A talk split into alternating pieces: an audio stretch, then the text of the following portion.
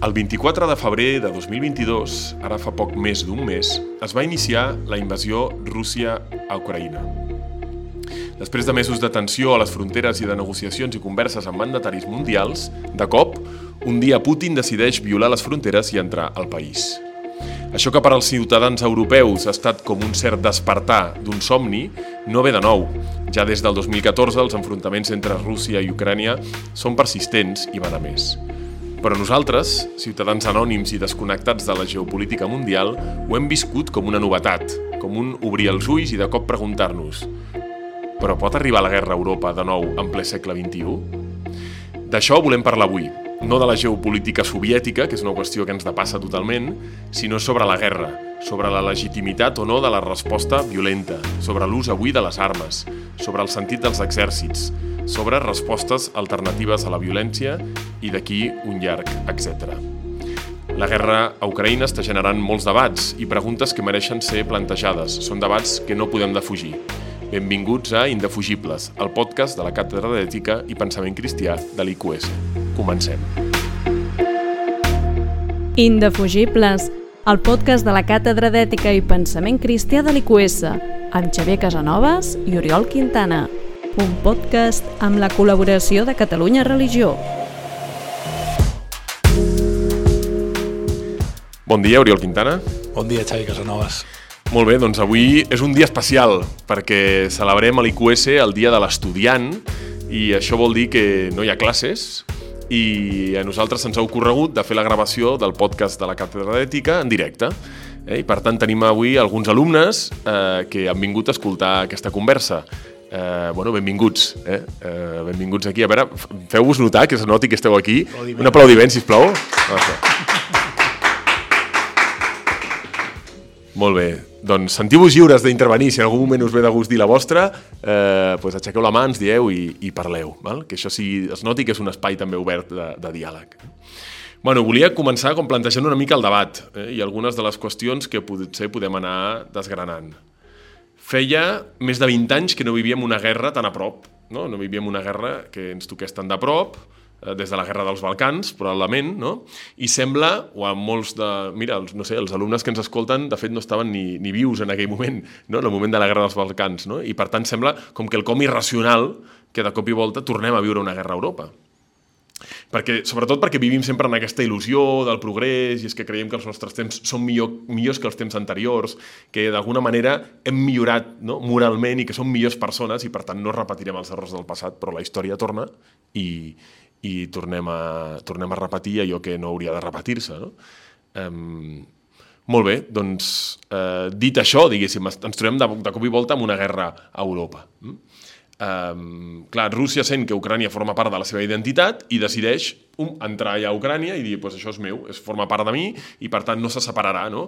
Aquests sembla que intents d'Ucrània d'anaccionar-se a la OTAN, de poder entrar a Europa, li ha semblat a la URSS com una perversió de la seva pròpia identitat, com algú que realment eh, l'ha posat en, un, en una situació en la qual ha decidit atacar violentament. La pregunta és, doncs, com ha d'actuar Ucrània davant d'això? No? Eh, a tothom, o almenys a la comunitat occidental, ens és com molt evident que aquí Rússia s'ha sobrepassat totalment i que s'ha extralimitat en, eh, en la sobirania d'un estat com és Ucrània, i que per tant Ucrània té dret a defensar-se i té dret a respondre fins i tot amb les armes i de manera eh, violenta a un atac que és violent. Realment és així?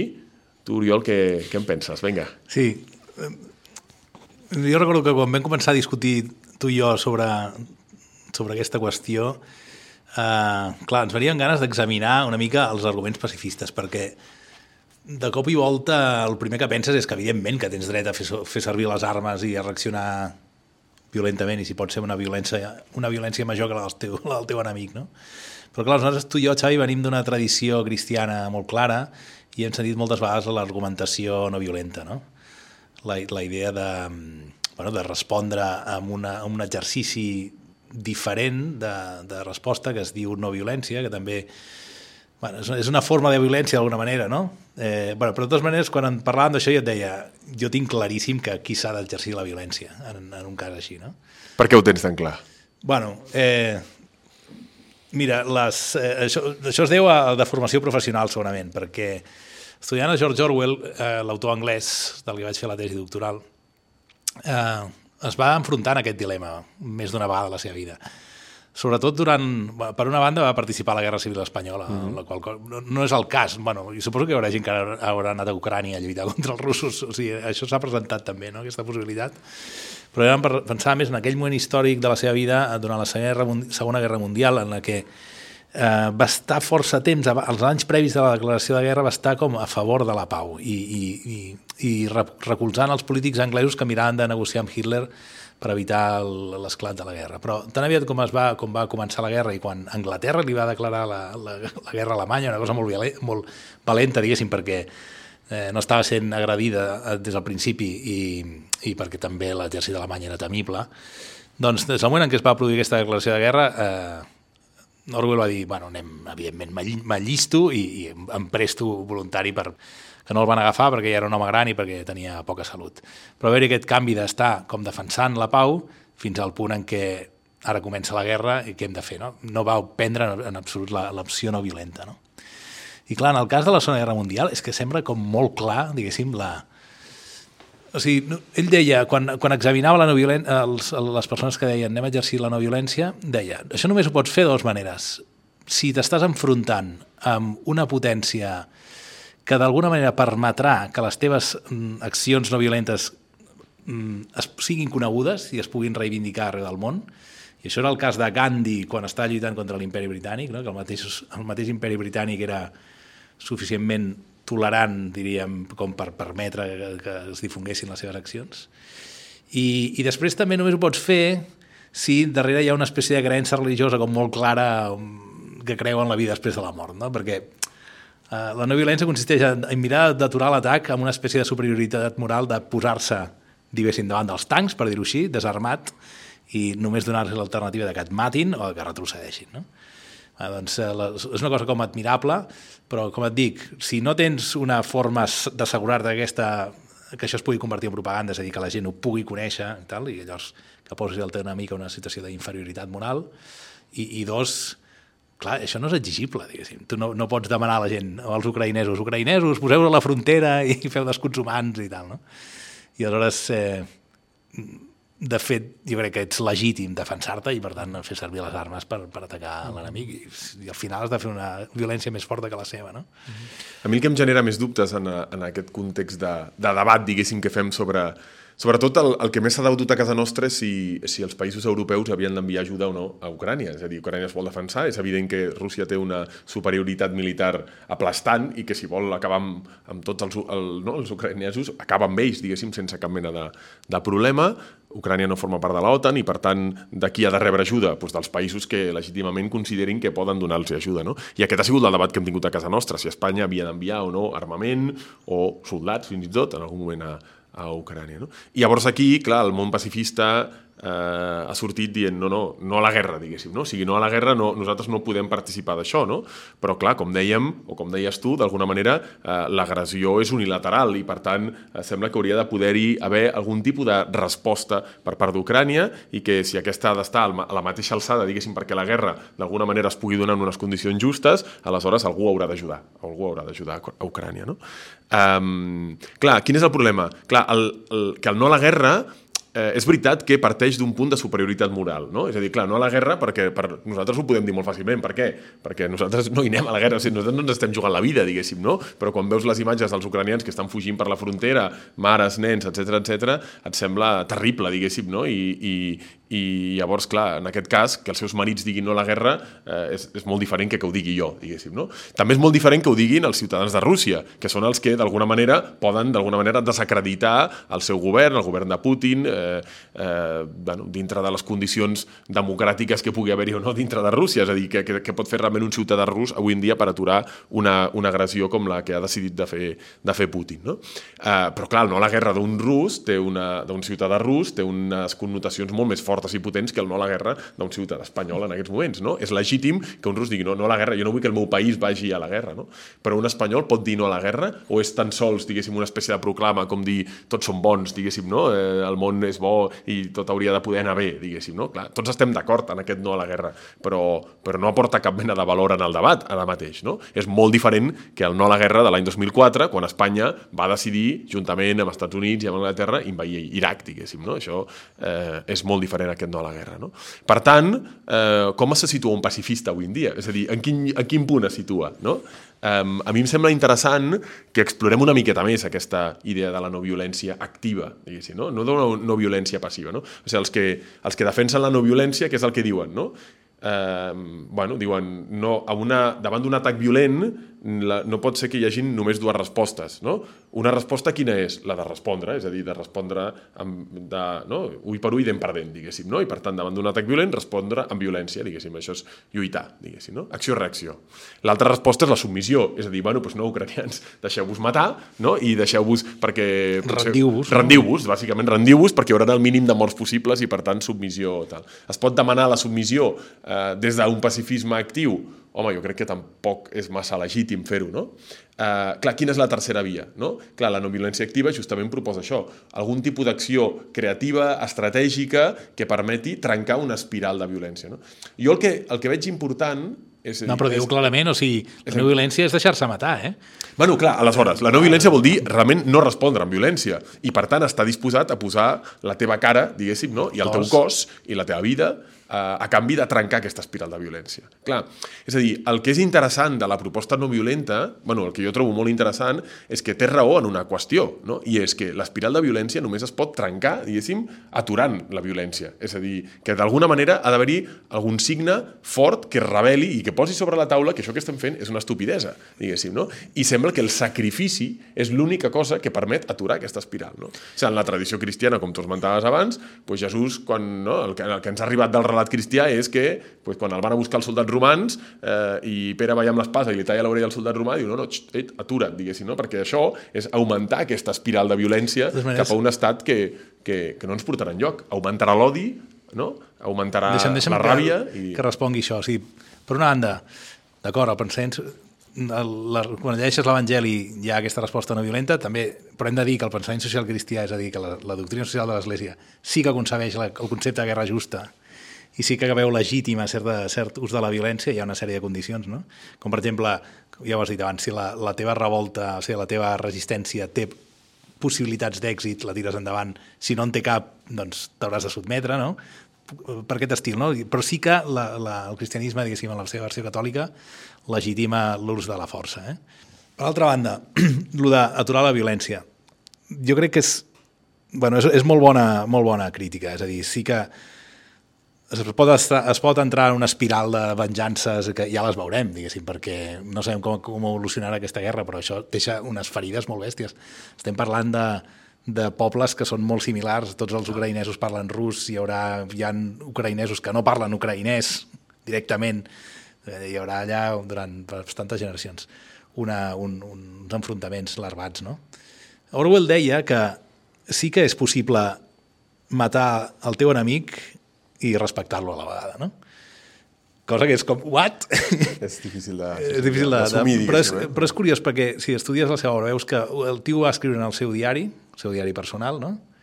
Després ho va escriure en alguna carta a un amic seu, quan, es, quan discutia, dient, mira, ja saps que jo he sigut pacifista, però aquí jo crec que, que hem de lluitar, hem de resistir a Hitler i, i crec fins i tot que es pot lliurar la guerra sense convertir-te en un monstre, diguéssim.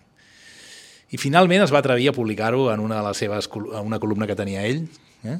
que era... Bueno, Orwell era periodista, es va guanyar la vida sobretot escrivint als diaris. No? I deia obertament això, deia que hi ha maneres diverses de lliurar la guerra, que el que no pot ser és que tu experimentis una, o et creguis superior al teu enemic, el que està dient al fons és que la guerra és una forma de continuar la política. És a dir, no ens, no ens posem d'acord discutint, doncs ens posem d'acord en el camp de batalla de la següent manera qui perdi ha de cedir respecte a l'altre. I, des, I després continuem les nostres relacions, no? Eh, té, de fons té una mica aquesta, aquesta idea. Aleshores deia, tu, mentre no odiis l'enemic, ni t'inventis mentides sobre ell, mentre no el vulguis presentar com un monstre, mentre no el deshumanitzis, no hi ha cap problema en que li fotis un tiro en el camp de batalla, no? M'explico? Perquè, de fet, és el, ens hem prestat tots dos a aquest joc. Tots dos estem disposats a sacrificar-nos pel que creiem, tots dos creiem que la nostra causa és la correcta, per tant, tots dos tenim Una un cert espècie de duel, diguéssim, no? de dues persones que davant de... No? davant de, no sé, no, un Des- tema amorós, diguéssim, decideixen posar-se en duel perquè no hi ha manera de discutir. És una idea bastant romàntica, És, diguéssim, vist des de fora és com molt irracional. I aleshores la, la qüestió és, eh, com et deia, eh, no inventar mentides sobre l'enemic, no difamar-lo, no, no deshumanitzar-lo, i, bueno, en fi, doncs sí. I també, si, si un lliura una batalla amb, aqu amb eh, una guerra, diguéssim, aquest esperit, també és molt més difícil de cometre abusos, també és molt més difícil, m'explico, mm, perquè no hi ha l'odi, no hi ha la, les ganes de sabar-se en l'altre. Almenys crec- això, bueno, perdona, això, això, almenys el que Orwell deia en els seus, en els seus escrits, no? També Orwell deia clarament que és molt millor fer presoners que, que matar gent, encara que sigui una mica més car, eh, perquè fer presoners et dona una força respecte a l'altre perquè tens una capacitat negociadora molt més gran, no? O sigui, que, el que està dient era, fem una guerra, mm, de, fem-la de la manera més noble possible, però tampoc, tampoc deia... mm, També venia a dir hem d'invertir en en armament i al final has de tenir més capacitat de violència que el teu enemic, perquè eh, en això consisteix tot, no? Però una mica com... Ell buscava com aquest esperit possible en què es pugui lliurar una guerra sense deshumanitzar-se. Jo no sé si és veritablement possible o no. Eh? A mi em surt clar gairebé ridiculitzar aquesta posició, perquè tant per tant, doncs mira, ens juguem una partida d'escacs, diguéssim, no? les regles són clares i els qui guanyi està, està guanyat i ja està, perquè al Sí, final sí. es tracta de... O tirem una moneda, perquè clar, el que tu m'estàs dient al fons, doncs, i així no hi haurà almenys pèrdua de vides humanes, diguéssim, no? Estic d'acord, estic d'acord. Eh, El que passa és que també passa que Orwell tenia una espècie de miti- mitificació de certes de certes actituds, diríem, no? O sigui, tirar una moneda a l'aire no és prou valent, diríem. No? Hi, ha, hi ha aquest element de, de valentia. Ell feia una broma molt, molt bèstia. Ell deia que les, la, el militarisme és més savi antropològicament que el pacifisme perquè les persones tenim la voluntat de sacrificar-nos. No? I això, quan dèiem la no violència... Diu, Clar, la no violència activa justament està buscant la redempció, diguéssim, de l'altre, de l'enemic, a través del propi sacrifici, de Sí, l'autosacrifici. en aquest sentit, la no violència no, no podrà... O sigui, Orwell feia, feia altres crítiques al Gandhi, però en aquest sentit sí que... O sigui, la idea és la, el militarisme i el nacionalisme és una forma de que les persones el mantenen perquè els agrada, perquè ha, en nosaltres hi ha una part que vol, un, que vol una vida amb sentit, una vida sacrificada, no, no estem tot el dia volent descansar i no treballar i no fer res de profit, no? també volem sentit i significat. No? Aleshores, clar, tirar una moneda a l'aire no seria prou valent. Llavors feia una broma al tio molt bona que deia l'home d'esquerres així pacifista està molt preocupat que el seu fill jugui amb armes i amb pistoles de joguina i no li agrada. I aleshores tampoc li agrada que jugui amb soldadets de plom. Però els, els eh, pacifistes de plom, diguéssim, no, no acaben de funcionar, no, no, no, no tenen massa sortida, no? Volem dir, eh, no, no, és que hi ha un element de, de, de voler lluitar, no? De, que es pot, que es pot encaminar i que... Bueno, Clar, la idea seria encaminar-ho cap a una resposta no violenta, diguéssim, no? Que també hi ha aquest, aquest element de valentia i de sacrifici, Eh, sí, diguéssim, no? i d'entrega, perquè al final la resposta no violenta demana d'aquest plus d'entrega. No? Jo el que diria, també una mica com per completar la crítica que tu li feies a la, a la resposta no violenta, no? Clar, què vol dir una resposta no violenta activa avui en dia en la situació, per exemple, d'Ucrània, no? És molt difícil de, de, de pensar què vol dir això, no? Um, però té elements, la resposta no violenta, que tenen a veure amb el mateix que tu deies, que és a, és a dir, jo el que pretenc amb el meu sacrifici és fer-li donar compte a l'altre, que hi ha una part humana, és a dir, a- davant, diguéssim, del meu sacrifici, l'altre reacciona perquè diu, "Oi, estic, estic eh, pervertint la humanitat de l'altre, diguéssim, no? i has de despertar la, la humanitat que pugui quedar en el teu enemic, diguéssim, no? Perquè aquesta, que- a- a- aquesta, bueno. aquesta és la intenció, jo crec, de la no violència activa, és creure que és possible eh, posar endavant l'atrocitat que s'està perpetrant, diguéssim, no? Ja, ja, d'acord. eh, I que, per tant, el parar l'altra galta és l'única manera de dir eh, tu no te n'adones, diguéssim, del mal que estàs fent. Si no se n'adona, evidentment, és la teva aniquilació, diguéssim, com a, com a subjecte, i, per tant, has d'estar disposat a aquest sacrifici, no? Però el, proble el problema de fons... la pròpia vida. el problema, sí, ho considero admirable, eh? però el problema que hi ha en aquesta, diguéssim, aquesta anàlisi que fas és la, el problema de la superioritat moral. És a dir, quan tu poses l'altra galta, estàs dient soc millor que tu. M'explico? Soc millor que tu. Aleshores, per suposat, tornant al que deies abans, jo, que sóc un barceloní eh, que viu aquí a la mar de tranquil, no tinc, no tinc la cara dura de dir no a la guerra. perquè això que ho digui un ucraïnès, doncs respecto, perquè ell és el que està sota les bombes i el que, i que ho digui, com deies tu abans, que ho digui un rus, doncs perfecte, també ho respecto moltíssim.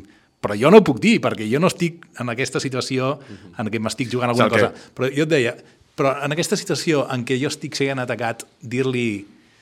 Eh, ja et posa en una posició de situació, una situació de superioritat moral, jo sóc millor que tu, enemic meu, mm? um, que diguéssim que Orwell també, també tenia resposta respecte a això, eh? a part d'aquella famosa tercera part, bueno, deixa'm fer una referència breu final, no? l'última part de, de 1984, la novel·la 1984, en què la, la víctima, el protagonista és torturat i bàsicament li, se li, el torturador li demostra que ell, no, encara que sigui una víctima, no és moralment superior al torturador, diríem, no? li fa donar, eh, cosa que és com molt trist, però que és molt real, no? I, i segon, aquesta cosa de... El que feia Orwell era dir, mira, ara ens estem lluitant tu i jo, perquè jo no sóc moralment superior a tu, m'explico? O sigui, jo tinc els... Soc pecador com tu, sóc eh, igual de defectuós com tu, i no trobem una altra manera, però, però fem la lluita el més noble possible, no? Eh, clar, Orwell, eh, deixant, repeteixo, eh, si, si, una, si un ucraïnès decideix ara eh, que la meva lluita és la lluita no violenta i fa alguna heroïcitat com aquesta de... S'han vist vídeos, eh, d'això, de, sí. de, de, doncs jo, xapó, no puc, no puc dir res, no? Allà, allà jo, jo no puc dir res, etc. No, puc, no puc dir res, no puc criticar-ho, però clar, tio, d'una persona que està aquí a Barcelona i, i diu sí. a l'altre... No, el que està clar és que tu no pots exigir d'un altre una resposta no violenta. Només la pots exigir, exigir de tu mateix. De tu mateix, de tu mateix. I no li pots exigir a l'altre que tingui una resposta no violenta, no? Alhora, però, eh, si esperem això... Bueno, ja, però alhora hem d'enviar armes o no hem d'enviar armes, diguéssim, no? En aquest sentit, la pregunta continua sobre la taula. Eh, perquè els que volen l'actitud no violenta, què és el que ens demanen? Bueno, jo crec que un exemple clar, per exemple, és el boicot econòmic a Rússia, diguéssim. O sigui, en el fons, això és una resposta no violenta eh, que ens està portant problemes a nosaltres mateixos, perquè Europa ara està veient créixer la inflació i problemes econòmics amb temes energètics, per exemple, per un boicot a Rússia de cara a ajudar a que aquest aquesta espiral de violència acabi per alguna banda, diguéssim, no? En aquest cas, què és el que s'espera? Suposo que els ciutadans russos es rebel·lin contra Putin perquè diuen s'ha d'acabar això, perquè estem patint eh, d'una manera tan bèstia, per tant, també estàs provocant el patiment de la gent, d'alguna manera, no? Però no la mort directa, no la violència directa explícita, no? Eh, jo crec que aquest seria l'exemple, potser, de la resposta no violenta avui sí, clar, i del clar. sacrifici que ens demana a nosaltres, perquè la inflació que estem vivint a Europa, per exemple, en aquests moments, significa empobriment eh, per les classes europees de cara a intentar aturar aquesta guerra. No? Home, dos coses. Primer, enviar armes a, als ucraïnesos em sembla perfectament legítim perquè tu no pots dir-los als ucraïnesos no us enviem armes perquè heu d'aprendre a exercir la no violència. Saps? Això no pot ser.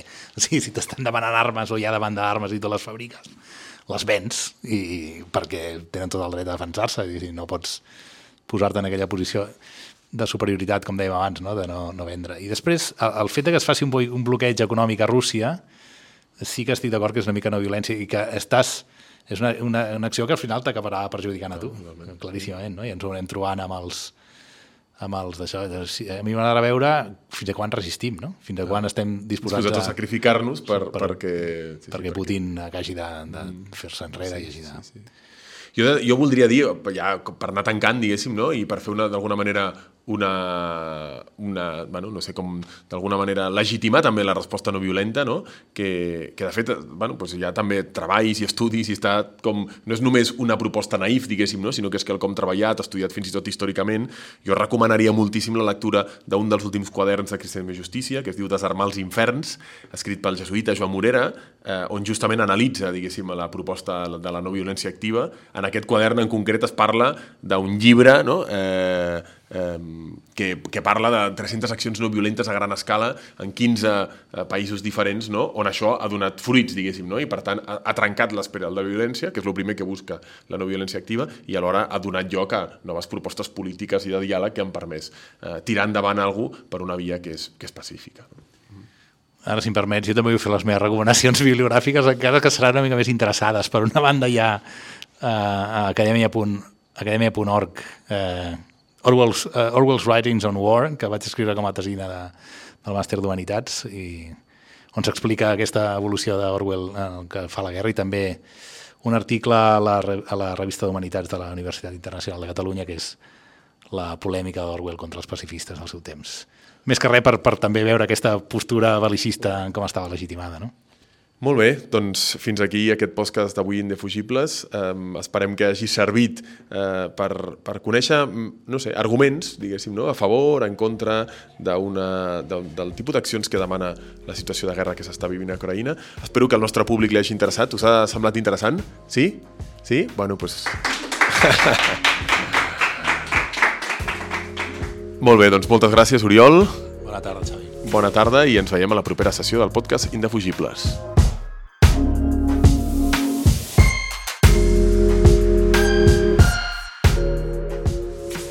Catalunya Religió